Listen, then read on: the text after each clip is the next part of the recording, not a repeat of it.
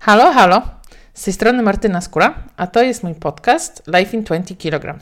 Zachęcam Was do śledzenia moich kanałów social media na Instagramie, Facebooku e, oraz na subskrybowaniu moich podcastów na Spotify, Apple Podcast albo na jakiejkolwiek innej aplikacji podcastowej. E, w moich podcastach e, dużo mówię sama, ale też staram się zapraszać gości. I dzisiaj e, podcast, który e, przeprowadzę, będzie właśnie z takim gościem. E, i będziemy rozmawiać na bardzo ciekawe tematy, które przynajmniej mnie interesują. I teraz przedstawię Wam mojego gościa, Patrycja. Cześć, witam serdecznie. E, z Patrycją się znamy od jakiegoś czasu, a połączyła nas miłość do oceanów i do rafy korelowej. I wręcz Patrycja sama do mnie napisała. Czy byłaś, Patrycją, takim stalkerem moim? Obserwowałam Cię od jakiegoś czasu.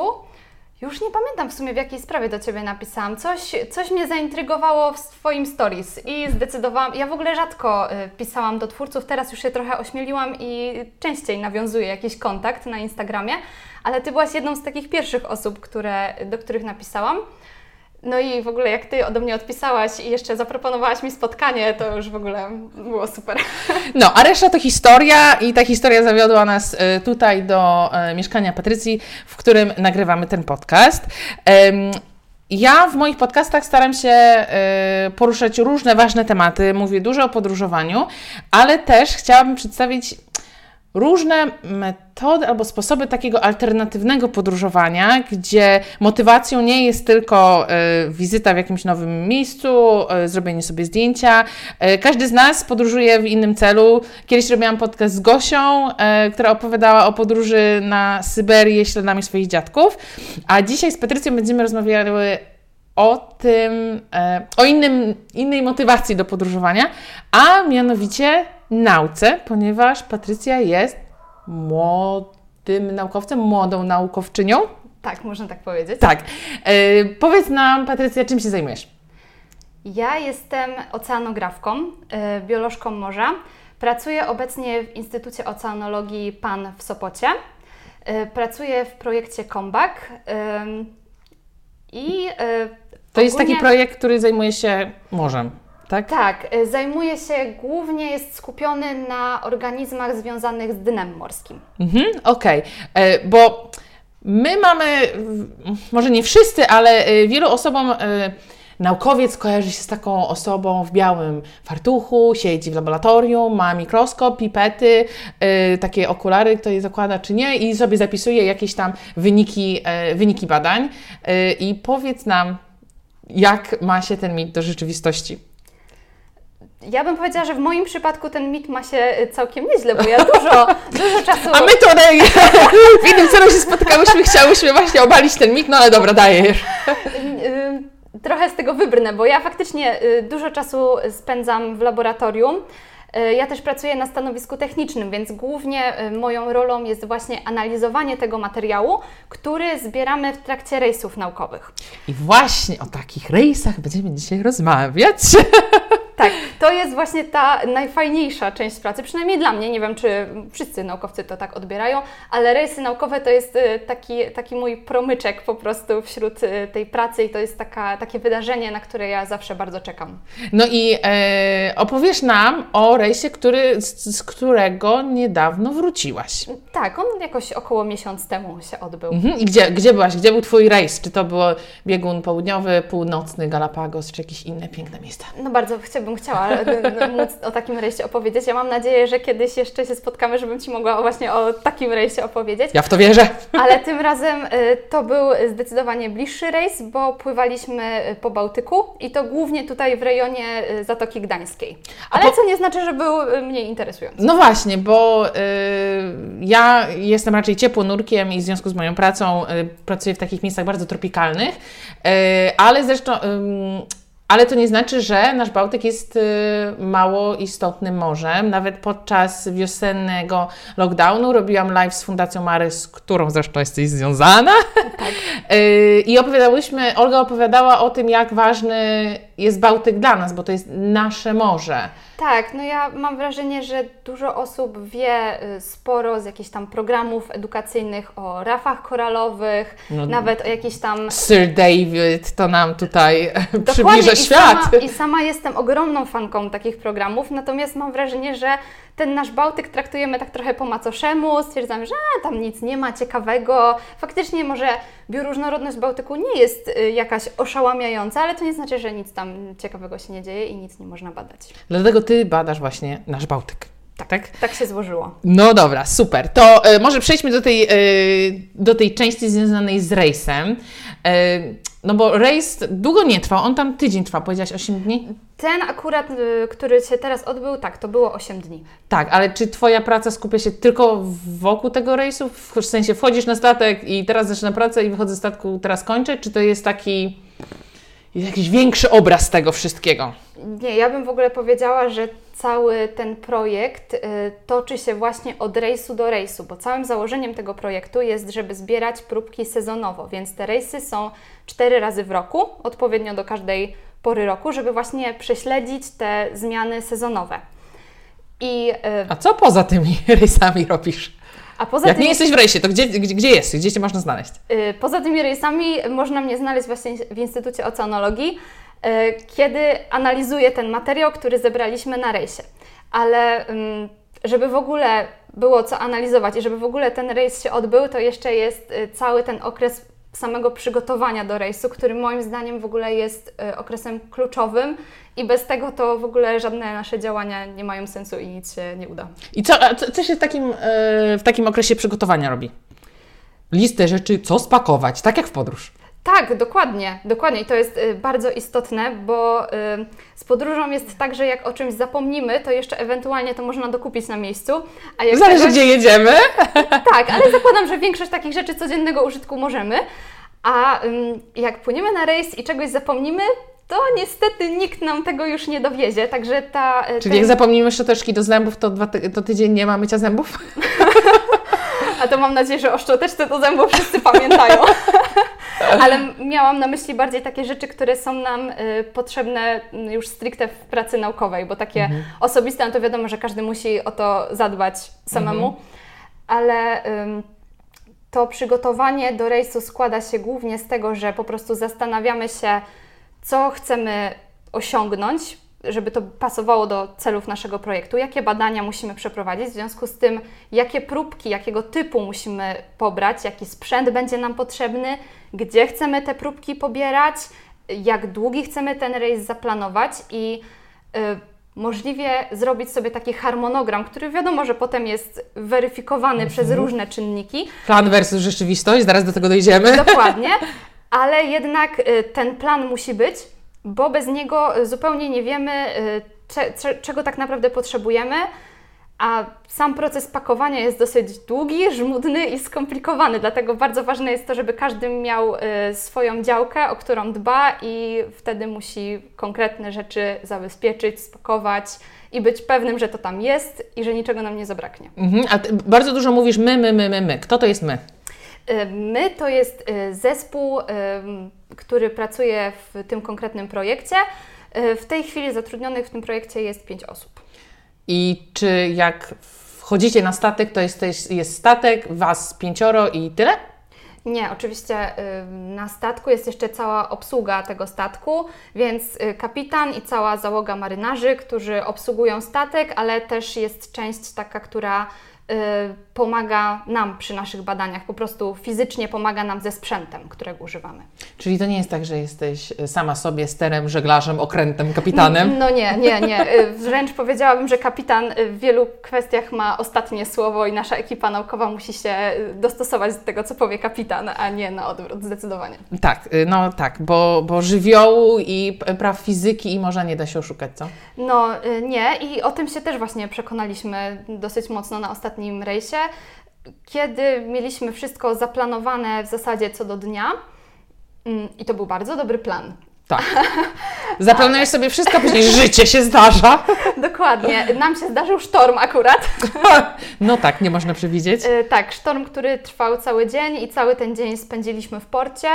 Y, Następnego dnia już próbowaliśmy wypłynąć i coś tam podziałać, ale niestety, o ile sztormu już nie było, to nadal fala była na tyle duża, że z naszych ambitnych planów niewiele wypaliło, więc po prostu podkuliliśmy ogon i wróciliśmy. Także no, nawet najlepszy plan musi być po prostu weryfikowany na bieżąco, ale to już jest y, kwestia bardziej doświadczonej załogi, która nas po prostu na bieżąco informuje o prognozach pogody i wtedy my możemy sobie próbować dostosować jakoś y, nasze plany do tego, jak wygląda rzeczywistość, ewentualnie decydować, co robimy dzisiaj, co można ewentualnie odpuścić, które punkty programu są dla nas kluczowe i najważniejsze, ich, ich na, na pewno nie chcemy pominąć, a które ewentualnie, jeżeli tak się zdarzy, że pogoda na to nie pozwoli, no to trudno, może zrealizujemy to przy następnej, najbliższej okazji. A czy właśnie bycie na statku i praca naukowca w takim żywiole y, wymaga pokory? Oj, na pewno, na pewno, bo y, my bardzo lubimy sobie wyznaczać y, jak najbardziej ambitne cele i chyba jak ktoś ma już taki plan, y, który determinuje powiedzmy jego pracę na najbliższe 3-4 miesiące, no to bardzo nie chce odpuścić.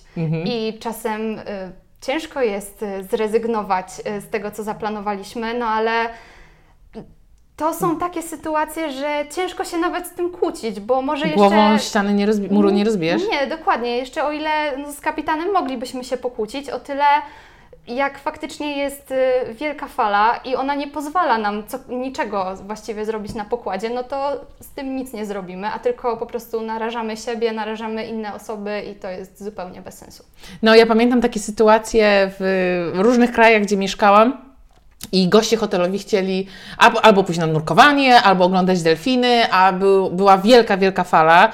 Yy, nie powiem, żeby był sztorm, ale nie padało, ale wiało silnie. I już były wystarczająco duże fale, że yy, no, my wiemy, że nie wypłyniemy i kapitan tym bardziej nie wypłynie, a goście hotelowi, ale ale jestem przyzwyczajony do fal, mieszkam gdzieś tam w Anglii czy gdzieś, yy, więc spoko, damy radę. No, no nie bardzo, nie bardzo da się to przeskoczyć, yy, nawet nie wypłyniemy, a cóż dopiero już, nawet nie będziemy rozmawiać o tym, co jest yy, pod tą taflą wody, co tam się nie, dzieje. w starciu z morzem nie warto być takim chojrakiem, bo Dokładnie. można więcej na tym stracić niż, niż zyskać. Dokładnie, nie chojraczymy z, z żywiołem. A powiedz, yy, w ogóle jaka była Twoja pierwsza myśl, jak weszłaś na statek, albo jak obudziłaś się pierwsze, pierwszego poranka na statku? Nareszcie. Nareszcie. Tak, nareszcie, bo e, ja miałam dosyć długą przerwę w pływaniu e, i ja strasznie czekałam na ten rejs, bo to jest moja ulubiona zdecydowanie część tej pracy. I jeszcze w ogóle jak pierwszego dnia się już obudziłam, to był taki piękny wschód słońca. Ja widziałam ten słońce u Ciebie na stories. Przecudowny, bo w ogóle pierwsze co, to jeszcze w ogóle w piżamie złapałam aparat i pobiegłam e, robić zdjęcia, bo e, no po prostu uwielbiam wschody słońca na morzu, to jest mój e, ulubiony, ulubiona moja część dnia, więc... A e, lepsze są wschody czy zachody? Ja wolę wschody. Ja też. Tak, ja wolę wschody, ja jestem rannym ptaszkiem i uwielbiam oglądać Wschody słońca i śniadania. Tak, Tak, o, no to super. To może się kiedyś wybierzemy razem w rejs. bardzo chętnie. A powiedz w ogóle, na czym taka, polega taka praca naukowca na statku? Co ty tam robisz? To mogę No powiedzieć... bo nie masz takiego laboratorium, mikroskop, tego typu rzeczy. Nie, właśnie y, nie. Właśnie jeżeli chodzi o pracę biologa morza, to jest w sumie dosyć niewiele takich rzeczy, które możemy zrobić y, tam na statku, w sensie pozyskiwania danych. My możemy sobie zebrać materiał, ale sama analiza głównie odbywa się już y, w laboratorium. To jest ten minus y, właśnie pracy biologa morza, że jest bardzo dużo roboty na statku, a potem jest bardzo dużo roboty w laboratorium. To Na przykład fizycy mają dużo lepiej, bo w zasadzie oni pozyskują dane i od razu mają te swoje wszystkie liczby, wykresy. i tak- Algorytmy, albo- tak, cuda. dokładnie. I, I dla nich y, potem już tylko faza przetwarzania tej informacji, a dla nas jest jeszcze bardzo dużo roboty y, potem. No i co tam robisz na tym statku? Y, W zasadzie to nasza praca po, mm, polega głównie na pobieraniu tego materiału. Teraz skupialiśmy się na organizmach i osadach dennych, organizmach związanych z dnem i osadach dennych, więc y, pobieraliśmy po pierwsze te osady różnymi e, metodami Mhm. e, i pobieraliśmy e, wodę naddenną. I jeszcze... Czyli tą wodę nad, nad tym osadem, nad, nad, nad tym. Tak. Y, To jest o tyle ważne, że musimy pozyskać również dosyć dużą wiedzę o środowisku, nie tylko o samych organizmach, jakie tam żyją, bo A jakie to mogą być organizmy? Mówimy o jakichś takich tyci, jakichś bakteriach, czy mówimy raczej o zwierzętach w stylu krewetka, krab? mówimy też o zwierzętach w stylu krewetka krab, bo organizmy związane z dnem to jest, czyli organizmy bentosowe, tak y, się je określa.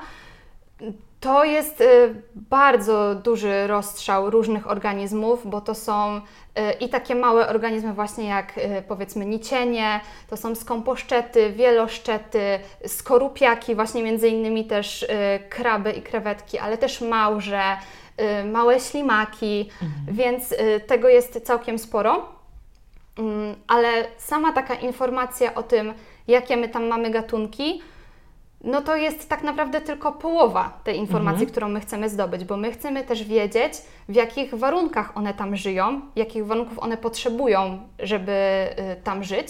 W związku z tym musimy też pobra- y, pobrać y, tę wiedzę o środowisku i robimy to za pomocą różnego rodzaju sond, które robią pomiary w, całej kolumnie wody i dzięki temu dostajemy takie właśnie wykresy temperatury, zasolenia, gęstości wody w całej kolumnie.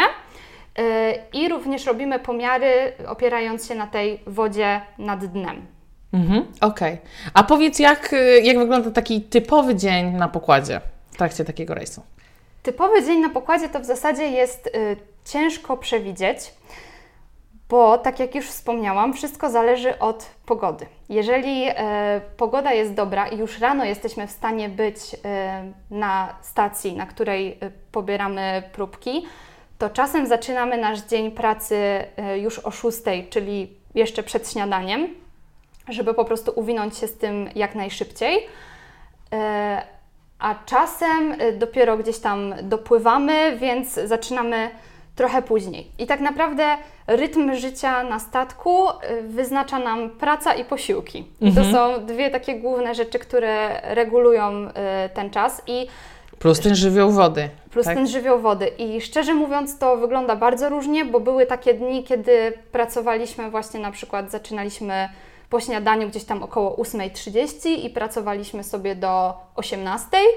A były takie dni, gdzie pracowaliśmy powiedzmy od 6 do 10, później mieliśmy jakąś przerwę, żeby przepłynąć na punkt i potem pracowaliśmy od 13 do 22 na przykład. Bo wiedzieliśmy, że kolejnego dnia nadejdzie sztorm i jeżeli tego dnia nie zrobimy jak najwięcej, no to po prostu stracimy już ten czas I bezpowrotnie. nie zrobicie w ogóle. I nie zrobimy w ogóle, więc y, tak naprawdę to taki typowy dzień na statku jest bardzo trudno opisać. A jak y, macie w ogóle czas wolny?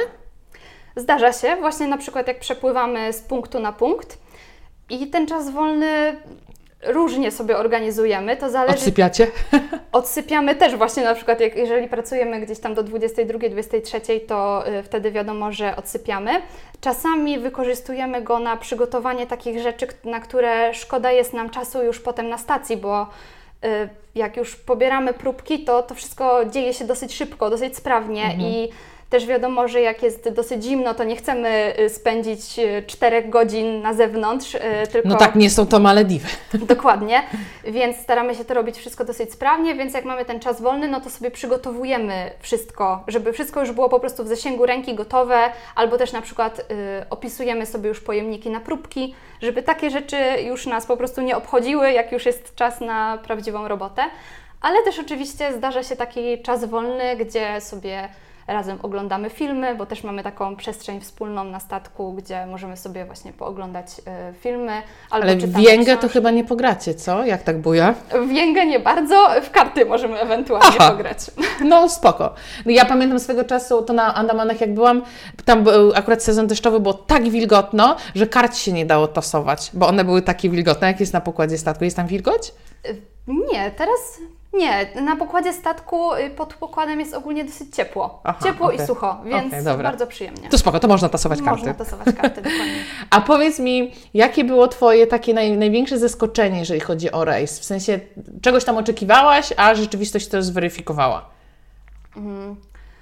To był mój pierwszy taki długi rejs po Bałtyku, Mm, w związku z czym y, mm, nie wiem, czy mnie tak bardzo to zaskoczyło, ale na pewno y, objawiła mi się taka pryśność pogody mocno i na pewno nauczyłam się tego planowania na bieżąco, tej całej logistyki planowania rejsu. To y, było dla mnie bardzo ciekawe doświadczenie, bo wcześniej, jak wypływałam powiedzmy na takie rejsy jednodniowe, dwudniowe, no to y, tu jest łatwiej się wstrzelić jakoś w tę lukę pogodową, y, kiedy jest y, optymalna pogoda do y, robienia wszystkiego, co sobie zaplanujemy, a tutaj jednak to y, planowanie na bieżąco i co chwilę sprawdzanie tych, tych, tej prognozy pogody, sprawdzanie naszego planu, rewidowanie tego, y, to faktycznie było takie dla mnie ciekawe interesujące. A powiedz mi, bo to jest morze i yy, no może, może, może, może być kapryśne. Yy, a powiedz mi, zdarza się na pokładzie, gdzie jest, są ludzie, którzy dużo jednak czasu spędzają z wodą, yy, zdarza się choroba morska, czy to jest tylko taka rzecz przypisana turystom? Zdarza się, zdarza się i y, nawet w naszej ekipie też y, mieliśmy takie dosyć mocne przypadki choroby morskiej. Ym, Są takie... Mimo, że to są ludzie, którzy są na morzu. Tak, e, tak. e, Są takie osoby, które już po prostu o tym wiedzą, że mają, więc się do tego odpowiednio przygotowują, e, biorą jakieś leki, które jakoś tak wyciszają w miarę te objawy. E, Natomiast no, e, zdarzyły się też takie osoby, dla których to była nowość, e, mimo że już były na rejsie, to pierwszy raz miały chorobę morską. No ale to wiadomo, to się może zdarzyć nawet, nawet najlepszym. No właśnie, bo, bo tak mi się wydaje, przynajmniej wiele dostaję takich wiadomości e, od obserwatorów, że że chorobę morską ma się zawsze, a jeżeli ktoś nie miał, to znaczy, że jej nigdy nie będzie miał. E, Ja z własnego doświadczenia, jak doświadczenia moich klientów widzę, że, ta, że to nie jest taka reguła. Ja osobiście bardzo dużo jestem na wodzie, bardzo dużo pływam w różnych warunkach i czasami jest tak, że w sztormie nie będę miała choroby morskiej, a czasami jest tak, że będę miała.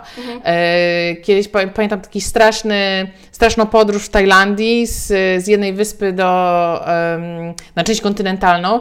Był taki straszny sztorm, że ze z całego promu ludzie stali na zewnątrz wzdłuż poręczy i po prostu wymiotowało e, do morza, bo, bo były straszne warunki. Nie dalej, rok temu, jak byłam na Andamanach, też się zdarzyło.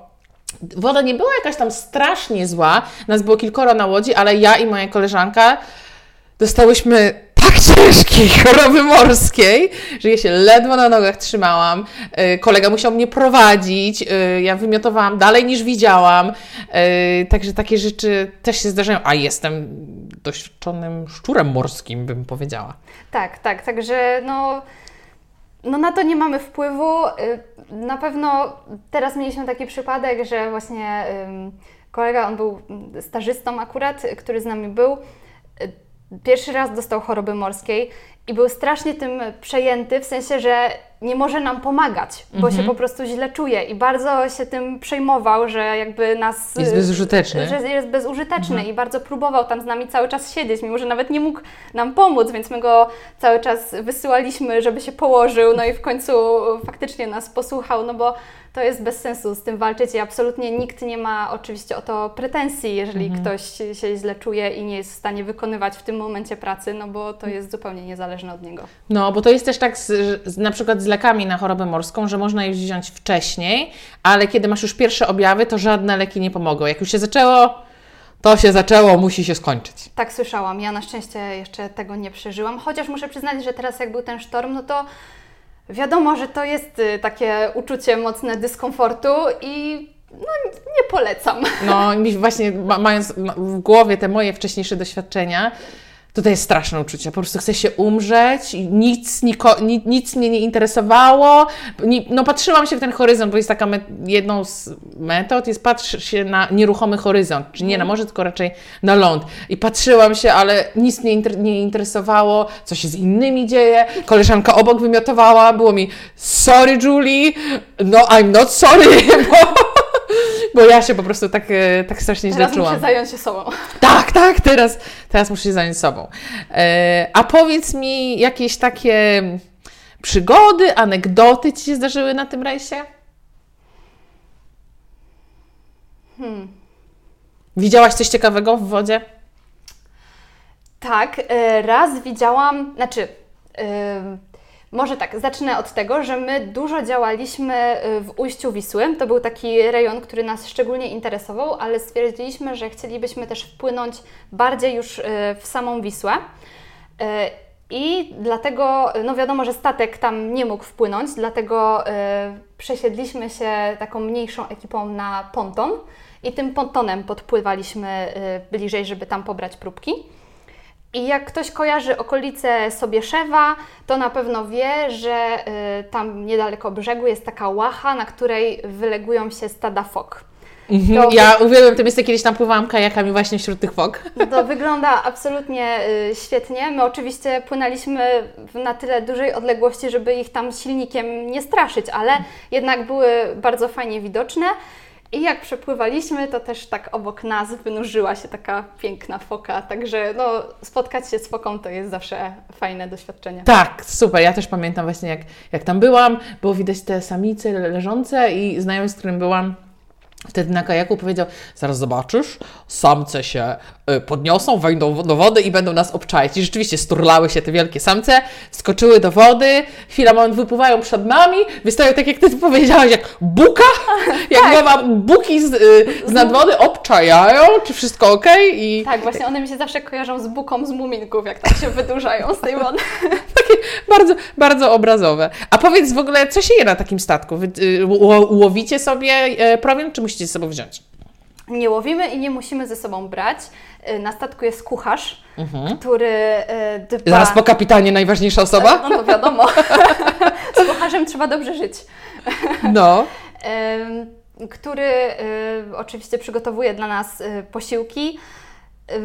To jest tak, że o 7.30 jemy śniadanie. Właśnie nasz y, kolega stażysta, który jest y, Włochem, y, się strasznie przeraził, jak usłyszał, o której będziemy jedli śniadanie, no bo wiadomo, Nie dziwi mnie to! Włosi o takiej godzinie to ewentualnie Na drugi bok! espresso, ale to też nie bardzo. Tak, więc o 7.30 jest śniadanie. Obiad jest już o 11.30, ale mm, można sobie wyobrazić, że jak się tak pracuje w zimnie na statku, to o tej 11.30 faktycznie jest się już głodnym mhm. na ten obiad i o 17.00 e, jemy kolację. Także to jest, no, to są także posiłki przygotowywane dla y, wszystkich marynarzy, którzy są na statku, więc można sobie wyobrazić, że to muszą być takie konkretne posiłki, mm -hmm. tak żeby się wszyscy najedli. A Ty jesteś wegetarianką i miałaś, y, miałaś w związku z tym jakieś problemy na statku? Y, problemy nie. to znaczy, Sytuacja była taka, że byłam jedyną wegetarianką na tym rejsie. Jej! Więc byłam takim trochę wrzodem na tyłku. Ale... A nie oczkiem w głowie? Mm, więc to, że jestem wegetarianką zostało zgłoszone przed rejsem i powiedzieli mi tam, że mm, nie będzie żadnego problemu, no, w porządku. Wszyscy wiedzą, że będzie jedna wegetarianka, luzik. No więc ja tak przy pierwszym obiedzie pamiętam, że tak nieśmiało do tego kucharza zagaiłam, że tak dla mnie to ta opcja wegetariańska. No i faktycznie przy, przyszła do mnie opcja wegetariańska, która polegała na tym, że to było po prostu to samo, co dostali inni, tylko że bez, bez mięsa. ja nie jestem jakąś y, szczególnie wybredną osobą, więc y, spoko, naprawdę idzie przeżyć ten y, tydzień, zwłaszcza, że i śniadania, i kolacje to są też bardzo obfite posiłki, zazwyczaj to jest po prostu jakiś też... Yy, powiedzmy forma szwedzkiego stołu, że możesz brać ile chcesz, mhm. więc każdy tam się może spokojnie najeść. Natomiast gdybym była weganką i nie jadłabym yy, nabiału, jajek i nabiału, No to chyba musiałabym swoje jedzenie zabrać, bo myślę, że bez tego bym Czyli kolejna skrzynia sprzętu, y, sprzętu naukowego plus skrzynia jedzenia. Tak, pewnie tak by się to skończyło. No, no. No ale y, na szczęście Ci się udało. Y, No ja też miałam takie sytuacje, bo ja nie jem mięsa albo bardzo, bardzo ograniczam jedzenie mięsa, że rzeczywiście no, ser i jajka. I w każdej postaci. No to ratuje, ratuje, ale no, mm, myślę, że właśnie w, w takich miejscach, gdzie ten y, wybór jedzenia jest ograniczony, no to jak ktoś ma takie mm, mocno okrojone preferencje co do jedzenia, to może być ciężko. Mhm. A powiedz, y, już tak y, kończąc, podsumowując naszą rozmowę, czy jak szłaś na studia i wyobrażałaś sobie, będę oceanografką, to rzeczywiście to, co teraz robisz, pokrywa się z tymi Twoimi wizjami, oczekiwaniami z, z tych... Kiedy miałaś? 18-19 lat, jak szłaś na studia? Tak, y, to na pewno widziałam siebie na morzu, Mhm. więc y, to się 100% pokrywa. Może widziałam siebie w trochę cieplejszym klimacie, ale to jeszcze wszystko przede mną, na to liczę. Y, Na pewno chciałabym też więcej nurkować, bo to też był jeden z takich moich pomysłów, jak szłam na studia, że jedną z takich moich głównych aktywności, które chciałabym gdzieś tam ciągnąć też w tę stronę naukową, to jest y, jednak nurkowanie, ale mm, zawsze właśnie doceniałam te momenty, kiedy byłam na morzu i w trakcie studiów też miałam trochę okazji mm, pływać na rejsy, nie tylko takie, które były jakby obowiązkową częścią studiów, ale też starałam się zawsze załapać na jakieś dodatkowe rejsy, w sensie pytać, czy nie potrzeba jakiejś pomocy, czy nie potrzebują jakichś dodatkowych osób. Zawsze jest jakieś takie miejsce dla studentów, którzy chcą coś pomóc. Zawsze się znajdzie jakaś praca, więc y, ja się starałam wykorzystać tę okazję po prostu, żeby być na morzu jak najczęściej. Mhm. A powiedz, czy osoby takie, no, nie studiujące oceanografii też mogą załapać się na jakiś rejs? Taki naukowy, czy raczej nie? Myślę, że tutaj mogą być y, takie czysto biurokratyczne kwestie, Mhm. dosyć trudne, no bo jednak to są y, rejsy mm, związane z, z konkretną instytucją naukową. Mhm. W jakiś sposób trzeba być z tą instytucją naukową związanym, żeby popłynąć y, w taki rejs. To się myślę, że wiąże po prostu z kwestią ubezpieczeń i tego typu rzeczy, więc taka pierwsza, lepsza osoba y, z brzegu raczej myślę, że nie może na taki naukowy rejs popłynąć. Mhm, mhm. Okej, a powiedz, e, jakie masz teraz plany na przyszłość? Teraz mam takie plany, że dalej y, ciągnę y, moją pracę w tym projekcie, więc analizuję to, co zebraliśmy do tej pory, ale wiem, że już w styczniu jest planowany kolejny rejs, więc już o tym Jej, styczeń! Super pogoda na rejs! Z jednej strony się strasznie cieszę i już odliczam do niego y, dni, bo y, tym razem będzie to rejs dwutygodniowy, więc trochę Super. dłuższy. I O, już się nie mogę doczekać tych stories. Tak, i zapuścimy się trochę dalej w Bałtyk, więc też takie y, mm, inne rejony. No, ale muszę przyznać, że mam pewne też obawy y, co do pogody, bo nie jestem bardzo zimnolubna, więc y, No, praca, coś, co, coś o tym wiem. praca na statku y, w styczniu to na pewno będzie wyzwanie, ale to, to zobaczymy. Na pewno będę na stories opowiadać o tym, jak sobie z tym radzimy, więc... No to y, ja Ci życzę powodzenia. Y, Nie mogę się doczekać stories, bo zresztą tutaj Patrycję cisnęłam, żeby y, dużo opowiadała o tym swoim pierwszym rejsie. Także trzymamy kciuki za Ciebie, za badania i... To może powiem, że Aha, no. właśnie to stories na Instagramie można oglądać na profilu Słona Woda. Jakby ktoś e, chciał Ja miałam to szukać. zamiar powiedzieć, no ale dobrze. E, Słona woda. e, Patrycja prowadzi taki profil, również nagrywa podcasty, jest zresztą byłam gościem Patrycji w jej podcastach. Także za Patrycję trzymam kciuki. Wam bardzo dziękuję za odsłuchanie tego 33-minutowego podcastu na temat, jak to jest być naukowcem na morzu e, i jak to jest mieć różną motywację do podróży. Dziękuję Ci bardzo, Patrycja. Dziękuję również. E, Was zachęcam do śledzenia moich kanałów na social media, na Instagramie, na Facebooku i mojego bloga. E, Wszystko pod nazwą Life in 20 kg oraz subskrybowania podcastu na Spotify'u, Apple Podcast albo na innych aplikacjach podcastowych. Dzięki bardzo. Pa!